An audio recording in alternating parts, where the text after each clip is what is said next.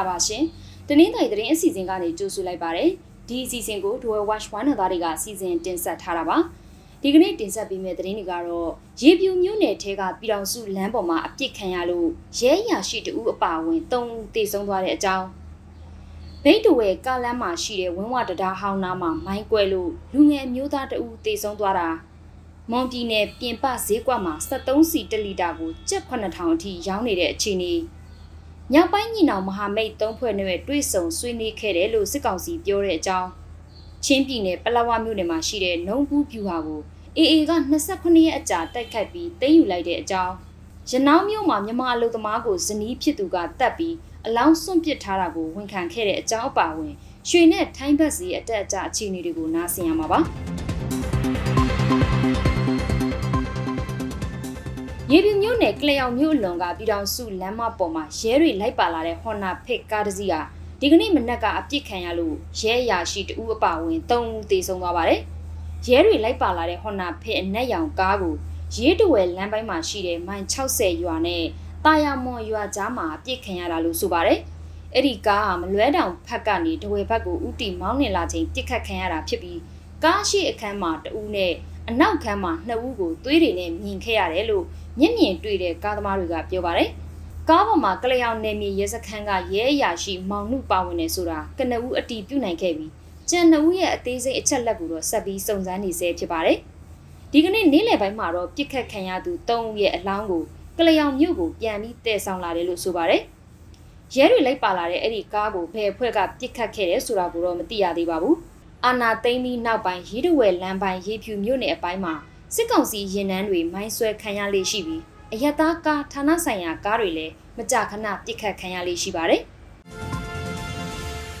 မြစ်တဝဲကားလမ်းမှာရှိတဲ့တရက်ချောင်းမြို့နယ်ဝင်းဝရွာတရားဟောင်းနားမှာမိုင်းကွဲလို့လူငယ်အမျိုးသားတဦးတေဆုံးသွားတယ်လို့တဦးဒဏ်ရာရသွားပါတယ်။ဒီဇင်ဘာလ17ရက်ညနေက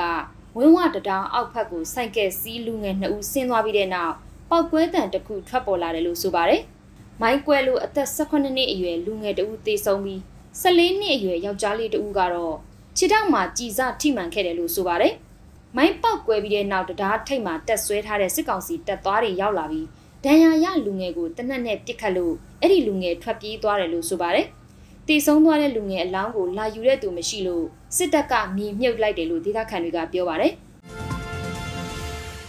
မွန်ပြည်နယ်အတွင်းမှာ73စီပြက်လက်ပြီးတဲ့နောက်ပိုင်းမြို့နယ်တချို့မှာ73စီရောင်းချတဲ့ပြင်ပဈေးကွက်ပေါ်လာပြီး73စီ1လီတာကိုကျပ်9000အထိရောင်းနေကြပါတယ်။လက်ရှိမှာတော့73စီဆိုင်အချို့မှာစီဝယ်ယူလို့ရနေသေးပေမဲ့နိုင်နဲ့ချီတန်းစီစောက်ဆိုင်နေရတယ်လို့တချို့ဆိုင်တွေမှာကန့်အသက်နဲ့ပဲရောင်းချနေတာပါ။ပြင်ပဈေးကွက်မှာတော့လူတလောက်ဝယ်ယူလို့ရတယ်လို့ဈေးကြီးပေးဝယ်နေရတယ်လို့ဆိုပါတယ်။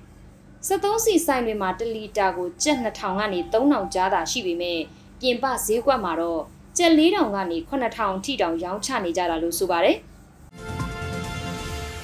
တရုတ်နိုင်ငံရဲ့အကူအညီနဲ့မြောက်ပိုင်းမဟာမိတ်သုံးဖွဲ့နဲ့စစ်ကောင်စီတို့တွဲဆုံဆွေးနွေးခဲ့တယ်လို့စစ်ကောင်စီပြောရေးဆိုခွင့်ရှိသူဗိုလ်ချုပ်စော်မင်းထွန်းကမီဒီယာတွေကိုမနေ့ကပြောဆိုခဲ့ပါတယ်။စစ်ကောင်စီဘက်ကအမျိုးသားစီလုံးညီညွတ်ရေးနဲ့ ငြိမ်းချမ်းရေးဖော်ဆောင်မှုညှိနှိုင်းရေးကော်မတီတာဝန်ရှိသူတွေနဲ့မြောက်ပိုင်းမဟာမိတ်သုံးဖွဲ့ဖြစ်တဲ့ MNDAA TNL နဲ့ရခိုင်တပ်တော် AA ကတာဝန်ရှိသူတွေနဲ့တွဲဆုံဆွေးနွေးခဲ့တာလို့ဆိုပါတယ်။ဆွေးနွေးခဲ့တဲ့နေရာနေရက်နဲ့ဆွေးနွေးပွဲရလဒ်တွေကိုတော့ထုတ်ဖော်ပြောဆိုတာမရှိပါဘူး။နိုင်ငံရေးအရာဖြည့်ရှင်းနိုင်ရေးတွေ့ဆုံဆွေးနွေးတာဖြစ်ပြီးဆွေးနွေးတဲ့တိုးတက်မှုအပေါ်မူတည်ပြီးအခုလကုံပိုင်းမှာထပ်ပြီးဆွေးနွေးဖို့ရှိတယ်လို့ဆိုပါတယ်။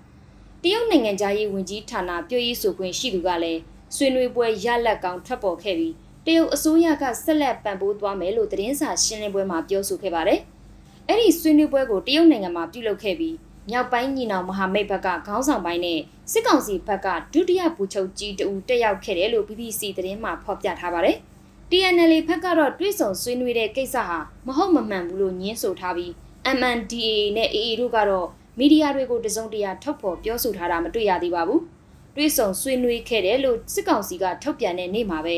စစ်အာဏာရှင်အမြင့်ပြတ်ပြုတ်ရေးအတွက်တရားမပြတ်ပဲအရှိန်ဟုန်နဲ့တိုက်ခိုက်ဆင်နွှဲနေတယ်လို့မြောက်ပိုင်းမဟာမိတ်ညီနောင်ကထုတ်ပြန်ခဲ့ပါတယ်။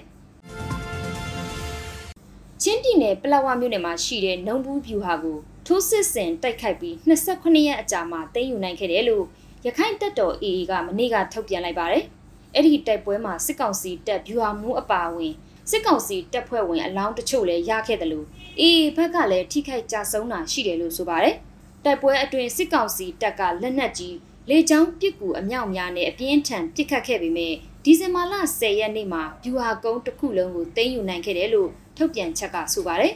တပိုင်းတစသိမ်းဖို့ကြံနေသေးတဲ့စစ်ကောင်စီတပ်စခန်းတွေကိုလည်းဆက်ပြီးတိုက်ခိုက်နေတယ်လို့ဆိုပါတယ်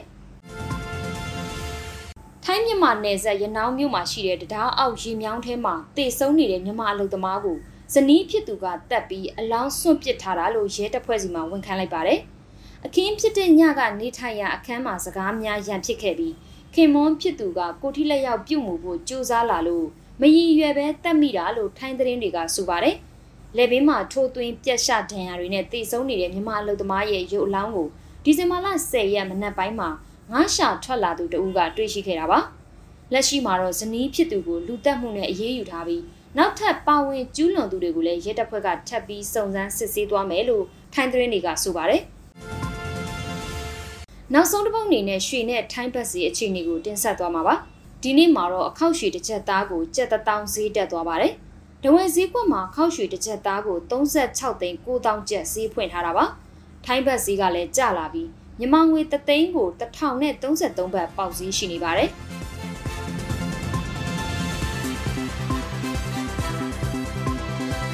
အခုလိုနားဆင်ပေးခဲ့တဲ့အတွက်ကျေးဇူးအထူးတင်ရှိပါတယ်။မြန်မာနိုင်ငံသားများကက်ဘေးအပေါင်းကနေအမြန်ဆုံးလွတ်မြောက်နိုင်ပါစေလို့ The Well Watch ဝမ်းတော်သားများကဆုမွန်ကောင်းတောင်းရပါတယ်ရှင်။